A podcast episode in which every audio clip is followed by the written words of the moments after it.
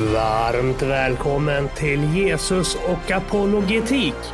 Ett initiativ från Svenska Apologetiksällskapet där bärare av olika livsåskådningar möts för att samtala med varandra istället för om varandra. Från oss i Svenska Apologetiksällskapet möter ni bland annat mig, Sebastian Ipstedt, kristen, läkare och biolog. Och mig, Johan Lundström, konservativ kristen, exeget med intresse för arkeologi och historia. Med oss i programmet kommer vi att ha en fantastisk panel av opponenter från hela skalan bestående av Rosie Leijel, progressiv kristen, vårdare och fysiker. Timon Stenberg, genetiker, sekulärhumanist och naturalist.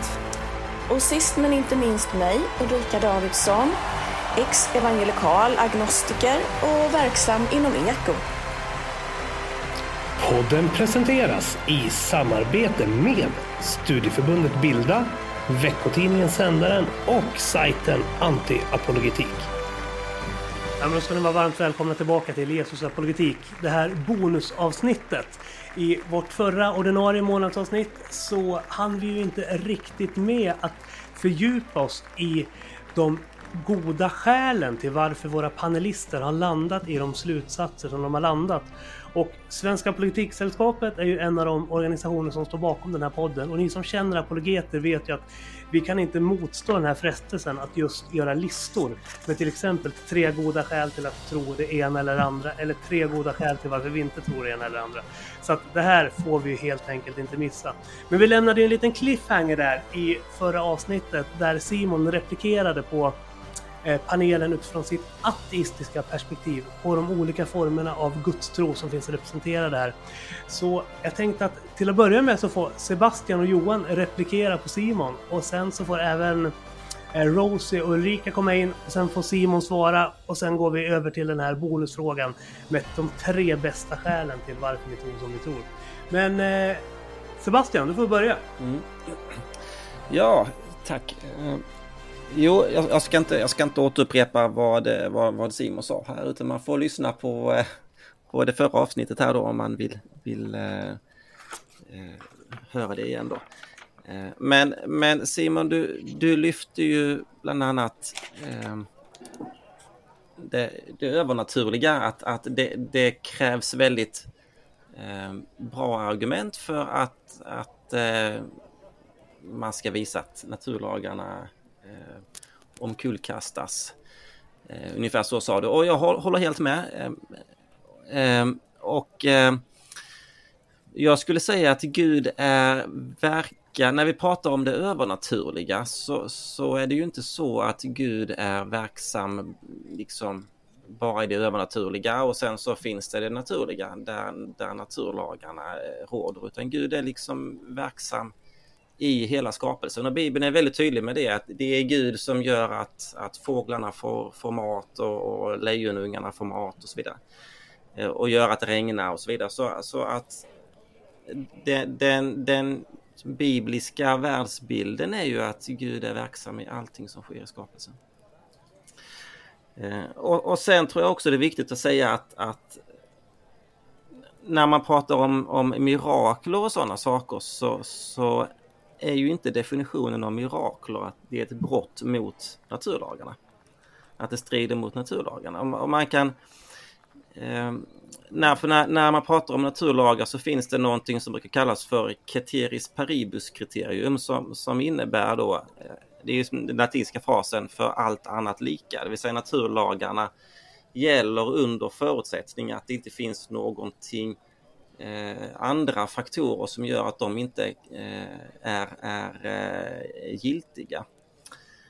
Till exempel eh, en liknelse som, som C.S. Lewis gjorde var att om, om jag en kväll lägger eh, 20 pund i en byrålåda och eh, nästa kväll lägger ytterligare 20, 20 pund i, i, i, den här byrålådan och sen den tredje kvällen kommer jag tillbaka och ser att det ligger bara 10 pund min slutsats är ju inte att matematikens lagar har brutits utan att någon har brutit mot Englands lagar.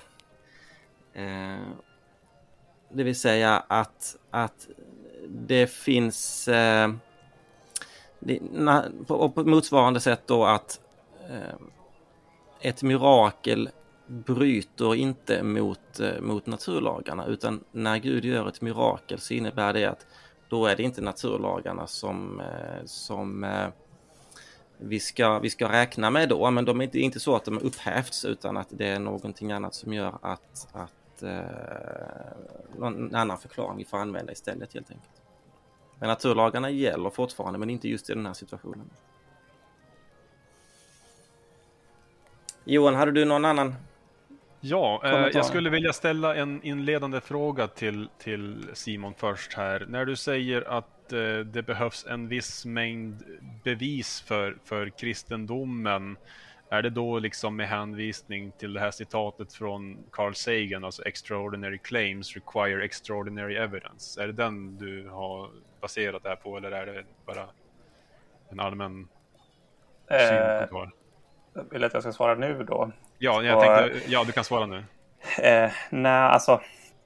Jag tänker att eh, det, det, krävs tillräckligt eh, övertygande evidens. Det behöver inte vara extraordinära evidens, men, men det är klart att eh, ju mer eh, påståendet så att säga bryter mot andra evidens, såsom att en människa eh, som har varit död i tre dygn eh, återuppstår inte från de döda. Eh, men vad, vad, av allt vi vet om människokroppen. Men eh, om man ska liksom... Eh, då räcker det inte med anekdoter eller historiska evidens, utan det behövs någonting mer. Eh, det är inte så att det är någonting eh, extraordinärt bevis, men det behövs ju tillräckligt vad det nu är. Alltså. Mm. Ja, nej men det, det jag tänkte jag skulle gå in lite på, eh, beroende på vad du svarade där, var lite granna, eh, ja alltså, va, vad är tillräckligt med bevis? För, det, för den, den frågan känner jag är lite granna eh, varierande från person till person. Va? Så det finns ingen liksom objektiv eh, uppfattning att det här, det är tillräckligt med bevis för att bevisa ett givet scenario. Så att liksom till exempel hela den här diskussionen uppstod Jesus från de döda, den, den kräver liksom en viss mängd bevis beroende på vem man är. Så har man en viss inställning till kristendomen att nej men jag, jag tror inte på det här och kanske inte ens vill tro på det här. Då kommer man vara relativt eh, svår, alltså det kommer vara svårt att övertyga hur mycket bevis man än bidrar med. Va, tänker jag. Och, och det, jag såg en bra eh, analogi från det, på det här från David Wood. Han hade en sån här, eh, han hade som en mätare som kunde gå från 1 till 10 och han menade att det här var en slags skeptometer, eller vad man ska säga, en, en, en skeptisk mätare som, som liksom kan skifta från 1 till 10 beroende på vem man är och beroende på vad man har för synpunkter på saker och ting. Så att jag är villig att tro på det mesta, men det här är jag inte villig att tro på. Då, liksom, då skenar den här skeptikermätaren iväg till 10 och då kan nästan inga som helst bevis övertyga en för att liksom, det här kan vara sant. Och vi ser ju exempel på sådana här saker i Bibeln. Nu, nu är det inte för att liksom eh, säga att de här, eh, liksom, jag antar att alla håller med om att de här berättelserna är sanna, även om jag själv tror det.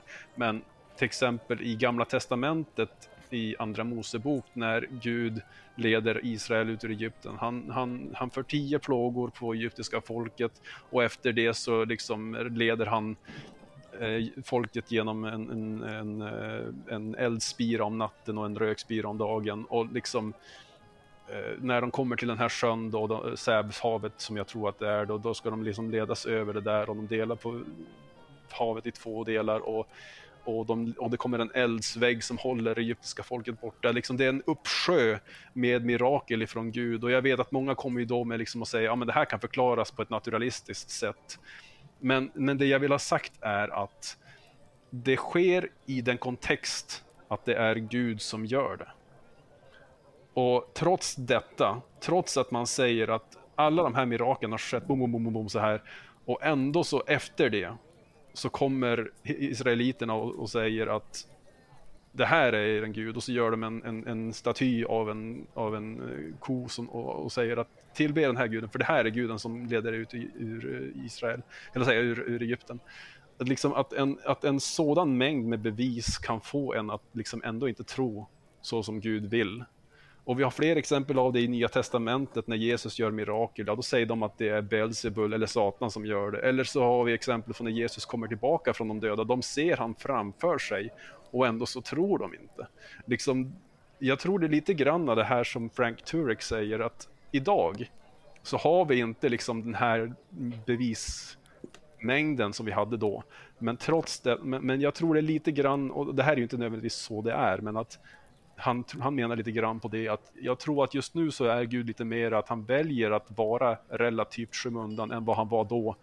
Därför att han vill inte vara liksom den här äh, ha en neonskylt i skyn hela tiden och visa att Gud existerar för då skulle folk känna sig ännu mindre mån om att tro på honom eller liksom kanske se honom som en tyrann och vill inte liksom ge sitt liv till honom. Så därför så tror jag det, det här är liksom ett, ett det, det, finns en anledning till varför det inte är så uppenbart att Gud existerar. Men det finns samtidigt tillräckligt med bevis, bara man är villig att gräva ner sig i det, alltså ta reda på det, läsa om det. Vad, vad har vi för evidens? Det finns där, men det gäller att man ska vara villig att ödmjukt läsa om det och ta reda på det.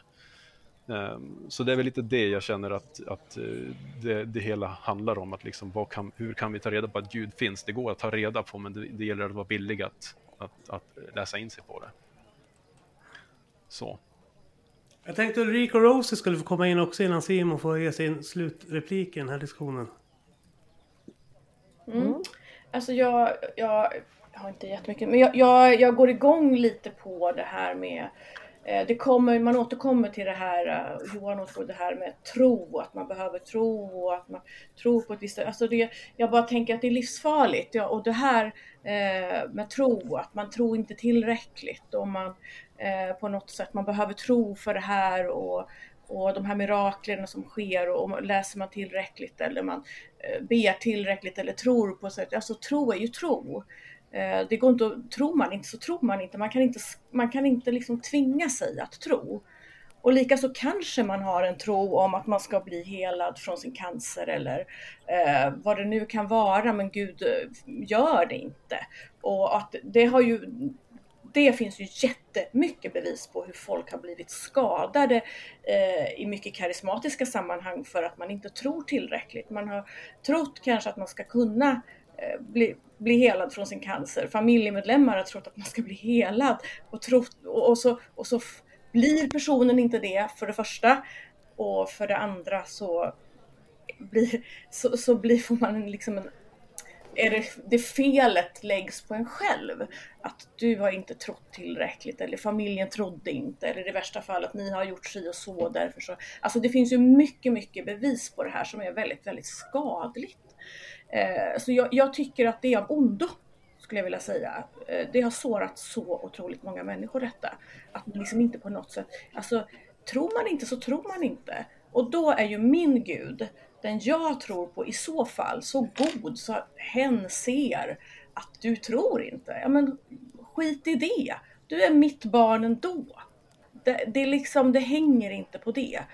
Under och tecken, ja varför sker de inte idag? Jag tror inte alls att, det, att Gud inte vill ha någon neonskylt. Jag tror det är bullshit helt enkelt. Jag blir lite, nu kommer jag igång lite för jag vet att det här sårar människor. Vi har, över, vi har snart 900 personer i en, i en Facebookgrupp just nu som är igång som har blivit så sårade av dessa, de här, det här skitsnacket. För att det, man, man har blivit så sårad genom, genom att man har gått in med full kraft i detta, haft sån tro om en god gud och han lyssnar. Och, han och han är det hela tiden för det första, det vet vi ju inte att det är. Eh, men det kan lika gärna vara en hon, om det nu är en gud. Men, men jag tror att det är skadligt det här att just att det ska ske under och tecken, att vi ska förvänta oss det. Eh, det är bara någonting vi tänker och tror och, och spånar liksom. Eh, så är min tanke. Nu gick jag igång lite, men nu så lugnar jag ner mig lite igen. Och eftersom det är ett bonusavsnitt så tänker jag vi har inte samma tidsbegränsningar så då har vi utrymme för att låta Johan svara också sen där efter Simon. Men Rosie? Ja, eh, det var mycket här. Nu ska vi se. Alltså till att börja med jag eh, gick också lite igång på det där med Johan sa att eh, Gud är dold. På sätt och vis kan det ligga någonting i det. För att när väl Gud visar sig idag på, på olika sätt med olika mirakler, någon blir frisk från en svår sjukdom, så eh, så tänker ju inte folk jaha, det finns en gud, utan de tänker ju såklart att jaha, eh, det har hänt någonting ovanligt i kroppen, ett ovanligt immunförsvar har triggats igång av en ovanlig händelse och man vill ju ta reda på vad det är. Eh, och därför egentligen så tror inte jag på underverk i den bemärkelsen att det ska vara någonting som sker utom den här världen, alltså något övernaturligt. Utan jag tror ju på att det är något ovanligt, det är någonting sällsynt som sker i samband med bön. Men det kan ju såklart också ske utan bön. Men det sker nästan i princip aldrig utan tro. För tro måste man ha. Och det, det finns det väl även vetenskapliga bevis för att man, eh, man måste tro på sin behandling. Även om man inte får en behandling så kan man ibland bli frisk från sjukdomar på grund av att man har en tro. Så, så att eh, det skulle kunna vara eh, närmande till ett, ett slags bevis för att åtminstone tro är viktig, tänker jag till dig Simon. Och du, du säger också att den här guden borde veta hur han avslöjar sin existens. Och det tror jag att Gud vet. Och eh, jag tror till och med att Gud kommer göra det för dig så småningom. Det vill jag bara säga. Eh, och sen så tog du som exempel här att eh, en människa eh, till exempel uppstår efter att ha varit död i tre dagar, att det skulle kunna vara ett exempel åtminstone på en slags underverk. Men eh, jag tror ju så sagt att även det skulle liksom gå idag att medicinskt på något sätt visa att en person bara hade väldigt lågt blodflöde och väldigt ytlig andning och därför var skendöd. Det finns ju sådana fall till exempel. Eh, ett sällsynt fall som jag återkommer till hela tiden, att underverk är egentligen väldigt sällsynta händelser som sker och som sker i samband med stark tro. Så eh, ja, jag tycker ändå att Eh, alltså det finns ju fall när, eh, när man tittar i, i Bibeln som, som eh, men även på fors, alltså forskning utanför för Bibeln. Alltså hur, hur kunde kristendomen få spridning i den tiden när eh, människor av en annan religion var så förföljda? De var både förföljda av romare och av judarna själva, de som startade kristendomen. Så, att, så att, att den överlevde tydde ju ändå på att de här människorna var övertygade. Och om man då inte tror att de hade sett Jesus uppstå från de döda, så undrar man varför? Var, varför var de i så fall övertygade? Eh, ja, och eh, eh, det skulle jag i så fall vilja höra liksom en ateistisk förklaring till. Jag brukar återkomma till ateister. Ja, men jag vill ha en förklaring till eh, varf, alltså varför jag inte skulle tro på Gud, precis som ni vill ha en förklaring till varför ni skulle tro på Gud. Och jag skulle vilja ha en förklaring till hur kristendomen kunde spridas och bli så stor, till exempel. Ja, och så det där med helande då. Det, eh, jag, jag, kan inte låta bli att replikera på det också till Ulrika, för det, det är väldigt tragiskt att, att människor kommer till tro och eh, ser Gud eller eh, Guds närvaro i deras liv först och främst som någon man ber om gåvor till. Att, att faktiskt kristendomen har blivit det väldigt mycket, mångt och mycket, att, att man, man ber om att få bli frisk och man ber om att få sitt liv ordnat och fixat.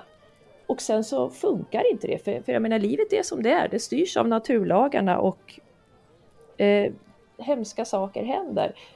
Och egentligen handlar ju kristendomen om att vi sen eh, efter döden ska få ett evigt liv och komma till, komma till Gud, att vi blir frälsta ifrån synd. Att vi... Men på något sätt har det ju blivit så att det har blivit väldigt stort fokus, inte på att be till Gud för att ha sällskap och ha, känna hans välsignelse, eller känna som en mysfarbror som du sa Ulrika, utan att också eh, faktiskt oftast be till Gud för att få sitt liv eh, så bra som möjligt. Och jag tycker det är väldigt tråkigt. Det är inte den tron jag har och det är inte den kristendomen jag förespråkar. Det var det jag ville säga. Yes. Jag tänkte Simon får komma in nu innan det Sebastian, Ulrika och Johan får sina repliker. Ja, eh, jag tänker att jag replikerar nog i kronologisk ordning här, för det är en del att invända emot. Eh, Sebastian säger att Gud är verksam i allt och jag förstår ju såklart att det är den eh, kristna världsbilden, eller i alla fall en av de kristna världsbilderna. Och där är ju svårt då att liksom, där är ju ett sätt som vi skulle förvänta oss att världen ser likadan ut. Så att där går ju liksom inte att skilja naturalism och eh, teism, om man ska ställa det mot varandra, eh, åt. Liksom. Det krävs ju någonting eh, Eh, där de här två världsbilderna skiljer sig åt. Så att studera naturen som den tuffar på kommer ju inte hjälpa oss där då. Eh, och vad gällande mirakler så, så är jag helt med på att alltså, definitionen av mirakler och övernaturlighet är väldigt svårt eh, att få en bra definition. Jag, jag själv kan ju inte, jag, jag tror inte att det finns. så, men eh, om nat- mitt sätt att se på naturlagar eh, är att om naturlagen liksom bryts, då är det ingen naturlag. Alltså naturlagar är någonting som inte kan brytas. Eh, så att om mirakler liksom, ja, jag, jag, Sebastians definition av mirakler kan jag köpa. Det är, det är inte viktigt för mig exakt hur vi definierar det, men bara vi pratar om någonting eh, extraordinärt. Jag, jag, tog uppståndelsen som ett exempel, men när vi, vi, det, det har mindre betydelse exakt vad det är. Eh, och om vi ska glida in på vad Johan sa eh, så frågade han mig hur mycket evidens krävs. Och det är en jättesvår svår och jättebra fråga. Eh, jag var inne lite på ett exempel förut med ett husdjur. Om liksom Rosie skulle säga till mig att hon har en hund hemma eh, så skulle jag ju acceptera det eftersom att jag, det finns massa evidens. Nu låter det löjligt att prata om evidens i det sammanhanget, men det finns en massa evidens för att hundar existerar och människor har dem som husdjur. Hade Rosie sagt att hon har en vithaj hemma så hade jag blivit mer skeptisk. Men det är fortfarande möjligt. Men jag skulle nog vilja kräva lite mer, alltså någon form av foto, ett enormt akvarium eller vad det nu är. Hade det varit en eldsprutande drake så skulle det liksom krävas ännu mer. För att då måste vi också försöka förstå hur kan vi liksom ha missat att drakar existerar. Liksom. Eh, det måste också förklaras. Vi måste liksom beskriva den här, det här djuret på något sätt. Och om man också skulle säga att det är en osynlig eldsprutande drake så krävs det också någon form av, alltså då måste vi också beskriva någon ny form av fysik. Liksom, där, hur, hur kan saker bli osynliga? Ny biologi kanske. Eh, det krävs också liksom och där räcker inte bara än, än att, att eh, uh, Rosie skulle säga till mig att hon hade en osynlig eldsprutande drake utan vi, vi krävde ett ganska alltså, omfattande revidering av stora delar av vår förståelse av både fysik och biologi och historia och arkeologi och eh, allting. Va? Så att, eh, exakt vad som krävs, jättesvårt, men, men vi får liksom nästan bedöma evidensen för varje påstående. Och Johan tog också upp det här med, med viljan att tro. Eh, att eh, det, det argumentet för mig blir problematiskt. Jag tror ju inte att fri vilja existerar. Eh, och jag tror heller inte att man kan välja eh, att bli övertygad om någonting. Jag tror att jag blir presenterad för evidens och sen så accepterar man gärna det eller inte. Men jag kan liksom inte välja att tro att, att Ulrika inte existerar för jag får sån övertygande evidens här från att interagera med Ulrika. Så det, det, kan, det är liksom ingen fråga om vilja. Eh, men intressant det som jag tycker är väldigt intressant här är att eh, Johan eh, tog upp det här med att Gud skulle välja att vara eh, gömd. Och det tycker jag är ett problem som, alltså en intressant tanke som, som knyter an till liksom teodicéproblem och, och divine hiddenness på ett väldigt intressant sätt. För att en, en, om kristendomen är sann så är liksom kunskapen av Guds existens något av det absolut viktigaste som finns. Det handlar om ens frälsning eh, och ens eviga öde. Eh, och ens, ens, vad som händer i livet har ju mycket mindre betydelse än om eh, hur man ska spendera evigheten. Och att en gud skulle liksom eh, välja att, att ingripa eh, och, och, till exempel avslöja sin existens för Paulus på vägen till Damaskus.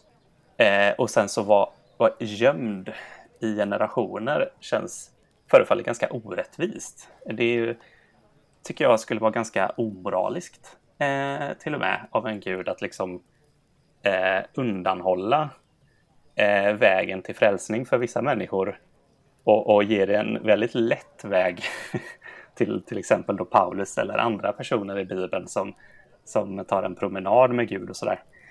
Eh, så det, det, men jag ska inte lösa teodicéproblemet här, det, det har jag inte tänkt. Men eh, om vi ska gå vidare då till eh, Ulrika så håller jag ju egentligen med. Jag, eh, jag, som, du, du sa att man kan inte tvinga sig att tro och det, det tror jag också att man eh, man tror ju det som eh, ens, man blir övertygad av det som, som övertygar en. Liksom. Det är inte en fråga om vilja. Eller, eh, man kan ju såklart välja att ta del av olika, alltså efterforska olika saker extra mycket. Men man kan liksom inte bara välja att tro att månen inte finns eller att eh, jorden är platt eller så, bara sådär. Um, och eh, om vi går vidare till Rosie då. Eh, och att eh, du tog upp det här med att tro är viktigt för till exempel placebo och sådana saker. Och det, det, tror jag, alltså, det kan det absolut vara. Jag tror alltså placebo är ju en, en ehm, kan ju göra en viss, viss grad. Det handlar ju framför allt om upplevelsen av att vara sjuk, så som min uppfattning är. Jag tror liksom inte att, att det alltid det, kan inte, det finns en viss gräns till hur, hur, effektivt det kan vara. Men jag tror det är ju en, en snarare en fråga om att, att vara, ha hopp liksom. Eh, jag tror inte att det handlar om, om tro om saker och tings faktiska beskaffenhet. Om man tänker Guds... Jag tror att tro på Guds existens är någonting annat än att, att liksom ha hopp om att man kommer att bli frisk till exempel. Men det, det finns inom kristendomen vet jag att det, alltså, det finns väldigt närbesläktade begrepp mellan tro och, och, hopp och så och tillit och, och förtröstan. Eh, och eh, du tog också upp en sak som jag skulle vilja diskutera att det här med alltså mirakel, att vi skulle kunna ha eh, förklar, ge en medicinsk förklaring för återuppståndelse genom sken, att Jesus skulle varit skendöd eller så. Eh, det tror jag är en ganska vanlig muslimsk tolkning om jag inte minns rätt, att liksom Jesus egentligen inte dog. Och då tänker jag att det, då är det inte ett mirakel, alltså det är inte någonting övernaturligt som har ägt rum, utan då är ju bara alltså en feldiagnostisering kan man ju säga, att man, man har felaktigt identifierat Jesus som död. Men han var inte det, så då är det egentligen ingenting konstigt. Ehm, och det det är liksom helt förenligt med naturalism att folk typ är nära döden ett tag och sen eh, återhämtar sig. Eh, det tänker jag inte är det som liksom skulle kräva någon, någon, någon, den här extra nivån av evidensföring. Det skulle ju vara det här eh, om man verkligen, verkligen är död. Eh, typ att man är halshuggen eller så, eller någonting och kommer tillbaka. Det vore ju väldigt eh, oväntat. Eh, sen så, just det, det var också om kristendomens spridning. Jag försökte tyda min handskrift där. Eh, och det tror jag, det är, talar mer till människors övertygelse av vad som är sant än vad som är faktiskt sant. Jag tror vi har ganska dåligt med, med berättelser från olika människor som påstår sig vara blivit martyrer i den tidiga kyrkan. Liksom. Det finns massa eh, historier om dem, men det, det, finns inte så mycket berättelser från dem och, och vi vet ganska lite. Eh, de är oftast ganska legendariska till sin natur, men, men det är definitivt sant att, att kristendomen fick väldigt stor spridning och, och, historiskt sett så tror jag att det beror på väldigt mycket att det blev statsreligion i Rom och, och då hade det ju eh, eftersom att det är en, en diktatur så, så övertygar man kejsaren så har du liksom övertygat hela Rom eh, eftersom att de inte har något val. Men samtidigt så det finns ju massa religioner som har spridits jättemycket. Islam sprids ju mycket snabbare nu än vad, vad kristendomen gör. Eh, mormonismen spreds mycket snabbare än vad kristendomen gjorde under antiken. Eh, alltså inte att mormonismen spreds under antiken, men när mormonismen var på uppsving så så var det en snabbare ökning än vad per generation än vad, vad kristendomen hade under den tidiga kyrkan. Men så jag tror att, att även du tror att, eller skulle jag gissa, att, att även falska trosföreställningar kan få spridning väldigt snabbt. Eh, så jag tror inte att det är ett mått på sanningshalten. Och där tror jag att jag har replikerat på alla. Eh, religionsteologen här vill bara komma in med en liten sakupplysning för er som lyssnar.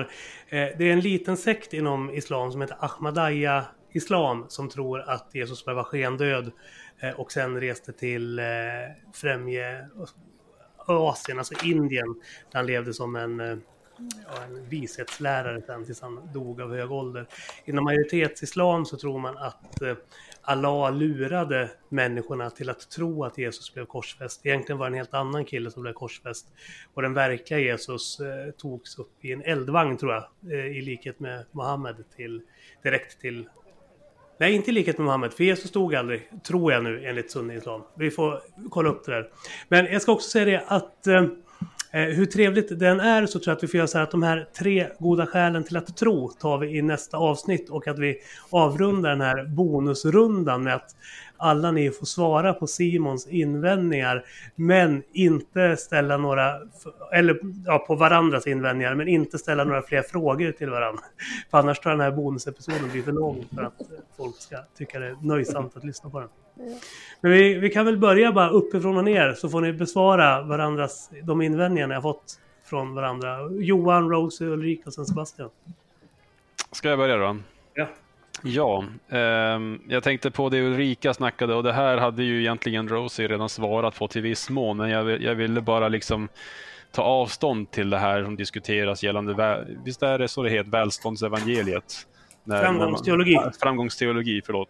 Alltså mm. att, att man tror att eh, är man tillräckligt troende så ska man ha framgång i det här livet. Uh, det tror jag ju definitivt inte är den kristna tron, utan snarare så kommer man blir förföljd, man kommer liksom fara illa mm. för att man, man uh, förkunnar evangeliet. Det är ju det som, som vi har sett liksom på löpande band sedan kyrkan infördes.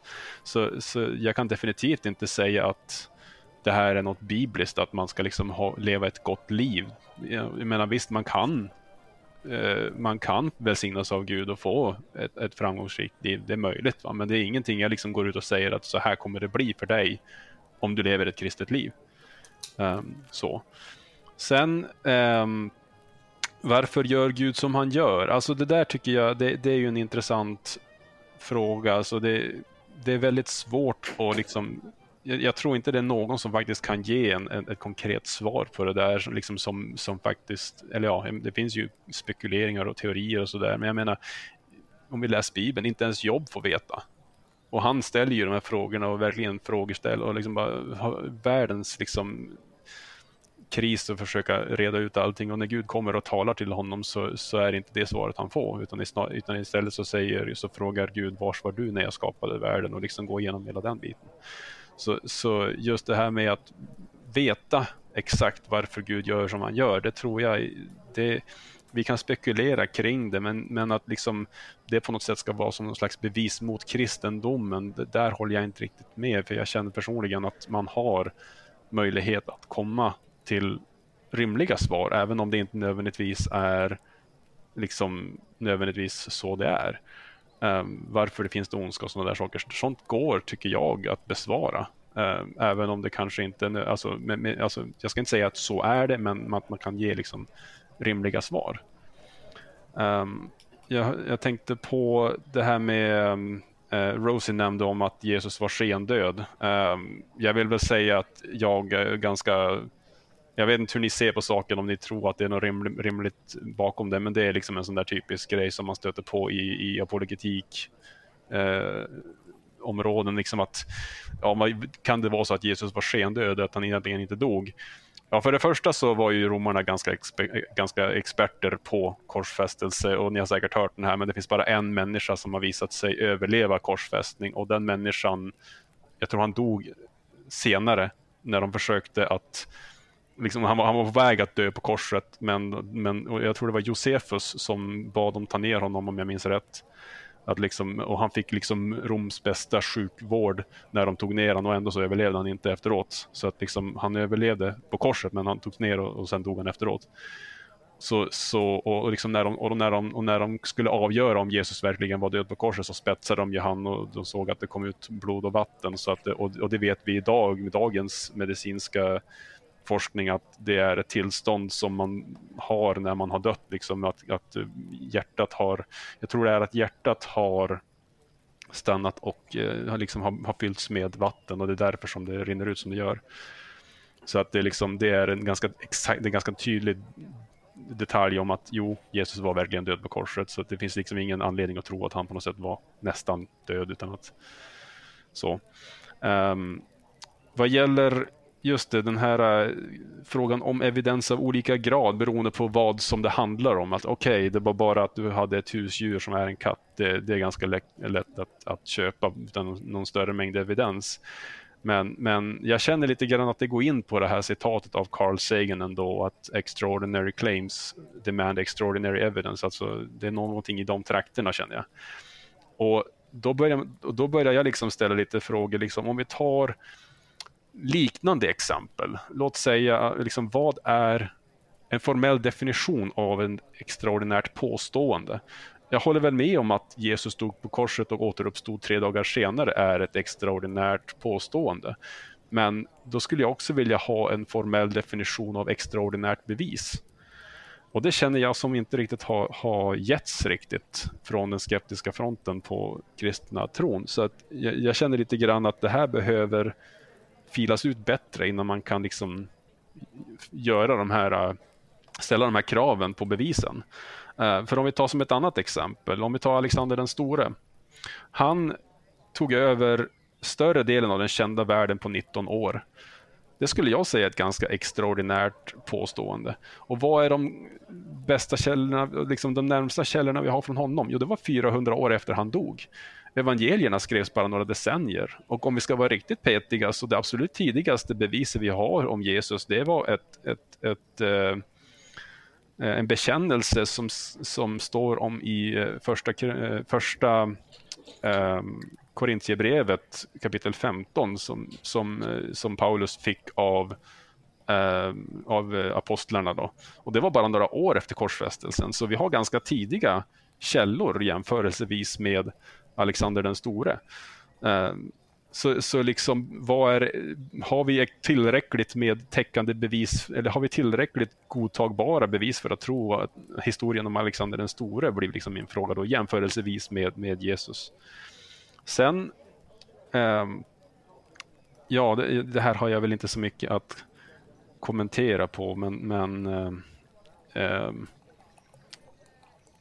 om att Gud underhåller, eller att Gud undanhåller evidens för andra. Jag vet inte om jag håller med där heller. För vi, jag menar, Okej okay, att det finns vissa ställen i världen där vi inte har tillgång till Bibeln, men jag menar vi har ju tillgång till Bibeln och vi har tillgång till eh, arkeologiska forskningar och historiska, liksom, historiska dokument och sådär. Så jag skulle inte säga att Gud undanhåller evidens bara för att vi inte upplever mirakel. Okej, okay, vissa får mer evidens än andra för att de får mirakel från Gud.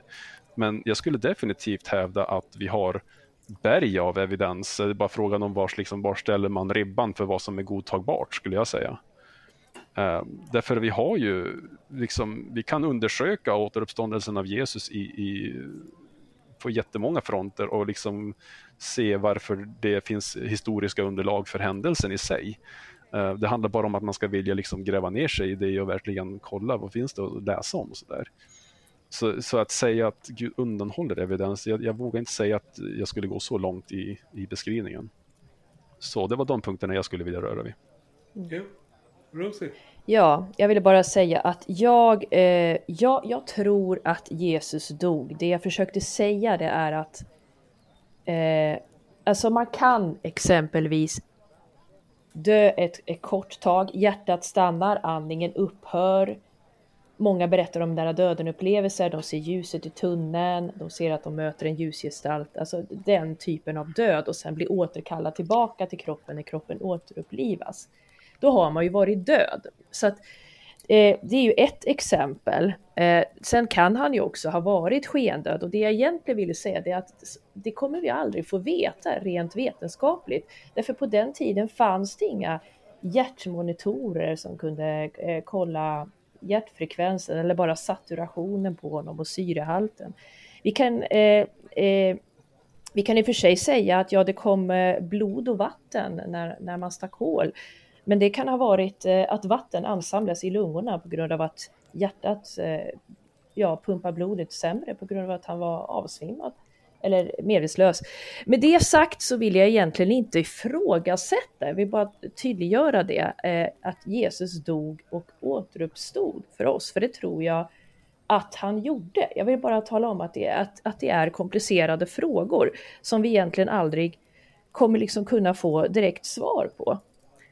Så eh, självklart som troende kristen tror jag ju att han dog och återuppstod. Men jag menar ändå att det kan ske inom ramen för naturlagarna eftersom jag tror att naturlagarna gäller då det är Gud som har skapat sina egna lagar. Kan han inte, har, eller kan han inte bryta mot dem? Det, det är så min tro ser ut.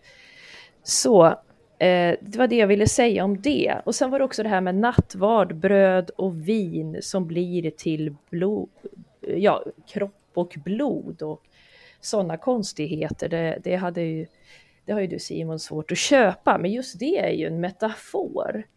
Det handlar ju inte om att det konkret blir verkligen Jesu kropp och blod, men han blir det andligen och vi får andligen ta del av honom. Så alltså, det vi, tyckte jag var viktigt att påpeka här. Eh, och sen så säger ni också att eh, tro väljer man inte. Alltså på sätt och vis håller jag med er om att man inte väljer tro, men om det, man upplever att man har fått ett bra motiv så kan det räcka med att vilja för att så småningom komma till tro.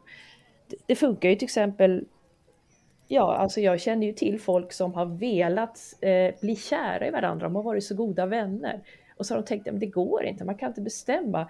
Men på något sätt kan man lura sig själv om man väldigt gärna vill en sak.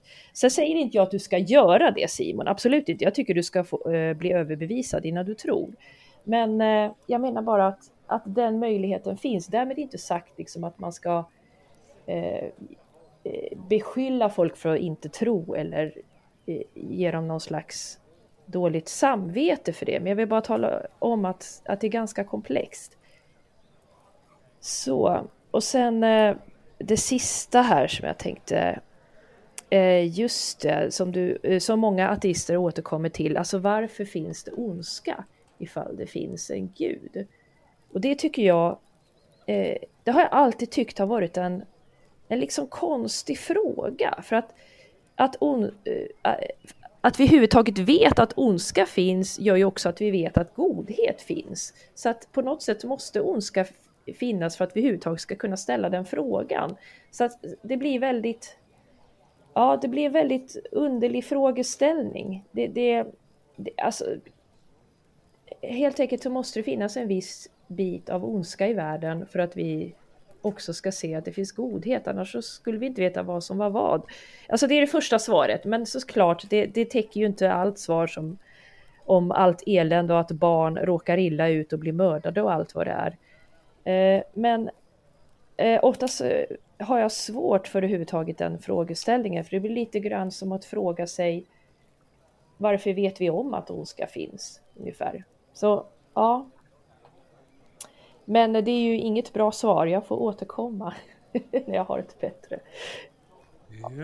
Och jag tänkte in med lite sådana här kort igen innan jag lämnar över till Ulrika gällande nattvardssyn. Eh, det är som Simon säger, det finns ju olika syn på det här inom kristendomen. Och den romersk-katolska kyrkan tror ju att brödet och vinet de facto blir kött och blod. Inom de lutherska traditionerna så tror man att det fortfarande är bröd och vin, men på just som Rosen sa, ett andligt plan så blir det eh, blod och kött. Och sen har vi den reformerta gruppen där Svensk frikyrka ingår, där man tror att det bara är en metafor, att det handlar om hur vi människor närmar oss Gud. Men med det sagt, över till Ulrikas slutord för den här bonusrundan. Oj, eh, ja alltså jag, jag bara sitter och tänker här liksom vad vi håller på. Eh, och, och, det kan man göra, men jag bara känner att vi, personligen känner jag att vi lever här och nu och det är det enda vi vet om. Det är det enda vi vet. vad, vad som hände innan jag kom hit eller vad jag var eller det, jag har ingen aning. Jag vet inte vad jag kommer efter. Det enda jag tycker är viktigt egentligen överhuvudtaget, det är ju vad jag gör med mitt liv här. För de människor jag träffar. Eh, för de människor jag har nära mig och att jag själv får må bra i det här livet. Jag, jag, tänker att det är det enda som egentligen spelar någon roll. Sen kan vi ju, vi kan ju hålla på liksom hur det är nu med, med de här tre dagarna, om det var så, kunde det vara så? Ja, vi kan spekulera och det kan man tycka är väldigt intressant och det är det på sätt och vis, men, men det är liksom vi får ju aldrig svaren liksom. Eh, det får vi ju, men, men eh, då, då är vi ju då kan ju ingen berätta så att säga. Eh, det finns ju ingen som kan berätta för oss på något sätt. Eh, så att jag, jag tycker det på något sätt är lite, jag är tråkig. Eh, jag vet det, men jag tycker det är oviktigt. Jag tycker det viktiga är här och nu. Jag inser ju att det är en liten glimt av en evighet på något sätt, men vad jag gör med den måste ju ändå vara det viktigaste och det man ska lägga fullt fokus på. Eh, sen som man, man tänker om under och så i Bibeln, det bästa undret och det jag tycker är, det är ju Jesu första under i Kana. Men det, och då säger jag yes, vi kan dricka vin. Men det minsann, det gäller inte. Så var det inte. Och nej, Jesus drack inte riktigt vin. Nej då. Så där minsann, när det äntligen finns något som var skitbra, då bara no, no, no. Det var inte vin, det var någon eh, druvsaft som inte var alkohol. Yeah right, säger jag. De var dyngfulla. Det skulle jag vilja säga. Eh, så lite så, när det äntligen finns något så är det trots allt inte bra. Så man får, ja, men det tycker jag är ett bra under i alla fall. Och det, tro, det tror jag på. Att, det, att han gjorde riktigt, riktigt mycket vin. Så är min slut, mitt slutord på detta. Sebastian, vad är den evangelikala tolkningen av vinundret i kanan? ja, jag, jag håller helt med eh, Ulrika där. Jag tror också att det var riktigt vin Jesus gjorde. Men som du säger, det finns ju olika teorier där. Ehm, och jag, jag tycker det var bra som du sa också Ulrika att, att eh, det, det, är ju väldigt viktigt hur vi lever eh, vårt liv här på jorden. Men jag tror att om det nu är så att, att Gud finns, då är ju det viktigaste vi kan göra med våra liv, det är ju vårt ställningstagande i den frågan. För det har ju konsekvenser för evigheten. Så att, att jag, jag håller inte med om att det enda som spelar roll är, är hur vi lever våra liv eh, här och nu. Det, det är ju oerhört viktigt naturligtvis. Eh, och, och Jesus talar ju mycket mer om hur vi lever våra liv här på jorden än han talar om, om eh, hur vi ska leva våra liv i himlen. Men, men, men frågan om, om eh, Guds existens tror jag är, är oerhört viktig. Eh, och det är ju kul att, att alla är här och vill, vill diskutera det. Eh, jag skulle vilja bara kommentera det här med, med mirakler och en, en jämförelse som man kan göra det är eh, meteorologin. Metro, den meteorologiska vetenskapen, det är ju den bästa vetenskapen vi har för att förklara hur, hur vädret fungerar. Eh, men i Bibeln så, så, har vi berättelsen om hur Jesus stillar stormen. Och eh, vad är det som händer då? Det, det är ju inte så att, att om Jesus stillar stormen att det liksom motbevisar den, den meteorologiska eh, vetenskapen. Det är ju inte ett motbevis mot meteorologin utan det som händer här är ju, eh, är ju helt enkelt att den meteorologiska vetenskapen kan helt enkelt inte förklara alla väderfenomen i världshistorien. Men det betyder ju inte att de meteorologiska teorierna är felaktiga. Jag, tror, jag uppfattar det som att eh, vi är överens om det eh, Simon. Att man inte, man inte definierar mirakler som brott mot lagarna. Så det, det, det är bra. Eh, sen tänkte jag på det här med tro.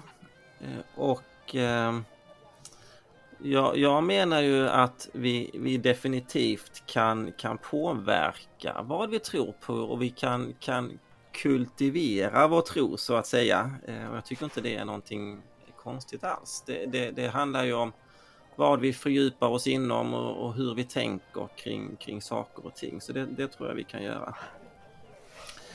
Um, och sen behöver man också säga då, som, som, du också var inne på Simon, att, att den kristna synen på tro, det, där finns ju dels det som man brukar kalla för kognitiv tro, att man, man tror att någonting är sant. Vi tror att det är sant att Gud existerar till exempel.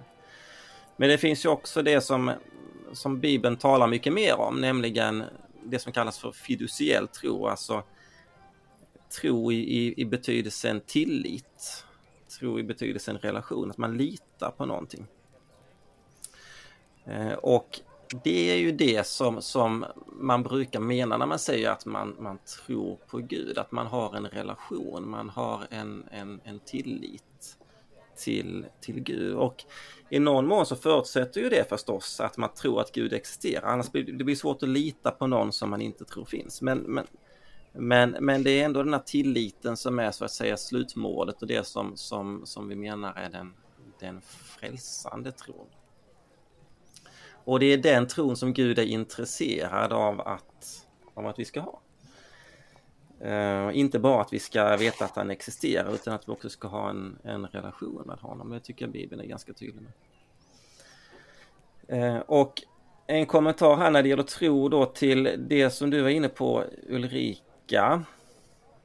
Är det skadligt att tro eller är tron till mer, mer skada än nytta? Ja, det är klart att tron kan vara till skada om man tror på någonting som, som eh, som, som inte är sant eller som, som är till skada. Det är klart att det finns den sortens tro också men om, om man, man, man som syftar på Guds tro generellt så, så finns det ju många positiva konsekvenser av det. Det finns ju många som kan vittna om hur de genom sin tro har har funnit en större frid i sina liv, hopp och, och mening med livet och så. Det finns ju gott om vetenskapliga studier då som har visat på, på hälsoeffekter av tron. Att det är ungefär effekt som, som KBT eller mindfulness då. Va? Eh, och att det finns en, en eh, korrelation med, med eh, minskad förekomst av, av depression och, och ångest och självmord. Eh, hur, studier som visar då att ju mer aktiv man är i en församling desto lägre förekomst av depression, ångest, självmord finns det och även till exempel kardiovaskulära sjukdomar och död i cancer och så. Um, så att det, det finns uh, de, de, positiva uh, hälsoeffekterna av tro överväger de, de negativa, tror jag. Eh, och sen en, en kommentar om det här då med eh, Guds, Guds doldhet, min sista, min sista kommentar då. Om vi nu ska ha, ha tre punkter som alla, eh, alla bra eh, inlägg ska ha. Eh, och det var, var ju Simon som lyfte det här och jag tycker det är, det är egentligen ett ganska ganska bra argument emot den kristna tron. Ett av de bättre argumenten mot den kristna tron tillsammans med, med eh, ondskans problem. Det håller jag med, med Simon också att det, det är också ett, ett problem. Men jag tycker inte att det är, är helt övertygande det här att eh, varför visar sig Gud inte mer? Att det skulle vara ett, ett argument mot att Gud existerar. Um, det finns ju en, en eller fanns en, en matematiker som heter Blaise Pascal och han, han sa så här att om, om det är så att Gud har skapat världen då borde vi förvänta oss en viss tvetydighet eh, i skapelsen. Och han skriver då att vi, vi borde inte se en, en manifest närvaro av det gudomliga men inte heller en fullständig avsaknad av det gudomliga utan vi borde eh, finna en närvaro av en gud som, som döljer sig själv. Och det finns ju flera skäl till det, men ett uppenbart skäl eh, det är ju det här med, med, vad, med vad tro är för någonting. Gud är ju inte intresserad i första hand av att vi ska veta att han finns. Det är ju inte det som är målet. Gud är intresserad av att vi ska ha en relation med honom. Bibeln säger att, att även demonerna vet att Gud existerar. Men inte hjälper det dem. Utan kanske snarare tvärtom, att, att deras dom blir så mycket hårdare. Vi kommer ju dömas utifrån den kunskap som vi har. Då. Och om det är så att vi, vi har kunskap om att Gud existerar men inte agerar på den genom att, att överlåta oss och ödmjuka oss inför Gud. Så, så eh, finns det liksom ingen anledning för Gud att, att ge oss eh, den uppenbarelsen om sin existens. Och, och, Pascal han sa så här att det finns tillräckligt med ljus för, ljus för de som vill se och tillräckligt med dunkel för de som vill leva i mörkret. Så en person som, som inte är intresserad av att omvända sig från sin synd eller, och inte ödmjuka sig eller följa Jesus. Det, varför skulle Gud eh, liksom överösa en sån person med, med bevis? Det kan ju snarare få motsatt effekt och föra den personen längre ifrån Gud. Utan jag, jag, jag tror att för den som, som ärligt söker Gud i den bemärkelsen då att man, man är villig att omvända sig eh, så, så tror jag att Gud ger tillräckligt med, med bevis. att den personen får då den uppenbarelse som, som behövs för att ge en, en frälsande tro. Och det är i alla fall det jag har funnit då att, att det finns eh, gott om, om filosofiska och vetenskapliga, historiska, arkeologiska, psykologiska skäl till att tro att Gud eh, finns. Så. Eh, så om, om man då ska använda Ockhams eh, rakkniv då eh, så till exempel när det gäller de historiska omständigheterna då kring kring Jesu uppståndelse och alternativhypoteserna så, så tycker jag verkligen att det är den minst ad hoca förklaringen så att säga. Ehm, till, till eh, den datan som vi har då som de, de flesta historiker eh, håller med om. Det är att det var en, en verklig uppståndelse. Yes. Tack för det Sebastian. Då har vi Simon kvar. Hur låter det din slutkommentar på kvällens bonusrunda? ja, det jag ska inte dra ut eh, allt för länge här nu. Uh, Kom ihåg att du har sista ordet också, så börja inte ställa en massa provokativa repliker. Nej, det ska jag inte göra. Jag, jag trodde bara uh, att uh, Johan, uh, att det var någonting du sa som jag svarade på. Jag tänkte att jag citerade dig, att Gud hade liksom gjort sig lite mer, tagit ett steg tillbaka, någon sorts secessionism. hållet. Ja, alltså det var, ju inte, det var ju inte meningen att jag skulle liksom Eh, alltså jag, jag ska, jag ska inte uttrycka mig på det sättet, utan det var mer som bara visa att jag, jag, tror Gud ger tillräckligt med information. Jag tror inte att han håller tillbaka information om man säger så. Mm, just det. Eh, Okej. Okay. Eh, och eh, Sebastian, eh, du tog upp det här med att det finns tillräckligt om man då vill. Eh, och jag tror att det som är svårt är ju det här med, alltså då måste nästan alla ateister vara eh, helt eh, motsträviga mot omvändelse. Och det tror jag inte är realistiskt för att det finns ju många ateister som har ägnat eh, halva sina liv åt, eh, åt kristendom och eh, i förtvivlan försökt söka en relation med Gud utan svar. Eh, det finns ju de som är livslånga ateister som liksom är ganska likgiltiga inför för det och det finns de som helst skulle slippa att det fanns någon gud. Men eh, jag menar, det, det, är ju svårt att veta för en människa liksom om, om, man, om hur man skulle ställa sig inför det såklart. Eh, men det är ganska uppenbart att om man ska gå på det som de berättelserna i Bibeln så, så finns det ju många där som som får betydligt mer information än andra. Mm. Eh, Får jag kommentera? Eh, eh, ja, absolut. ja, jo, men precis. Eh, det är klart att det finns många artister som, som har de här frågorna.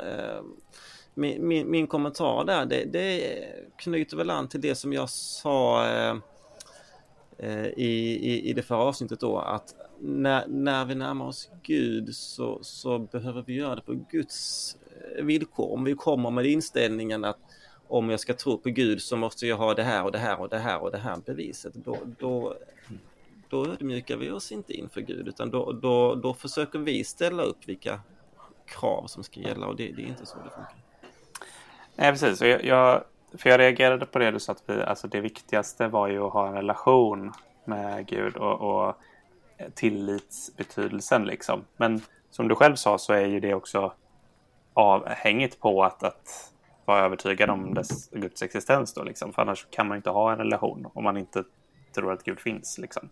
Så det, det hänger ju på det. Mm, eh, men ja, annars så tror jag väl att vi kanske knyter ihop säcken där för det så slår vi precis en timme bonus. Och till nästa månads ordinarie avsnitt då får ni passa på att fundera lite extra noga på det vi inte ens hann med i den här bonusrundan. Just vad är era tre starkaste skäl till att ni tror som ni tror? Men fram till dess, det är en månad. Jag hoppas ni kommer ha en härlig juli framför er med mycket sol och bad och glass och alla andra härligheter som hör juli månad till. Själv ska jag och min hustru Kristin till Hönökonferensen här nu nästa vecka och hålla på lite med en annan podd som heter Sändaren tillsammans med Robert Tjernberg och Karl-Henrik Jaktlund. Så att om du är på Hönökonferensen får ni gärna komma fram och snacka och tjabba och chibba. Eh, annars så hörs vi igen om en månad då episod 3 av Jesus och apologetik kommer att spelas in. Och då alltså på temat Vad är panelens tre starkaste skäl till att de har landat i de förhållningssätt som de har gjort? Vi ses då. Tack så mycket för den här gången. Hej då allihopa. Hej, hej. Hej, hej.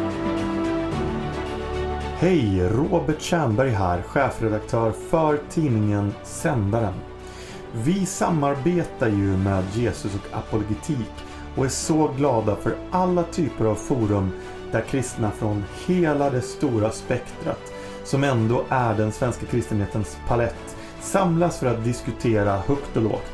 Det är ungefär så vi vill vara som en kristen tidning, där många olika röster kan få höras och där alla får en plats.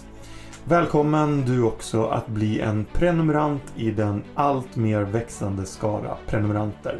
Sandaren.se prenumerera och ha en riktigt fortsatt bra dag.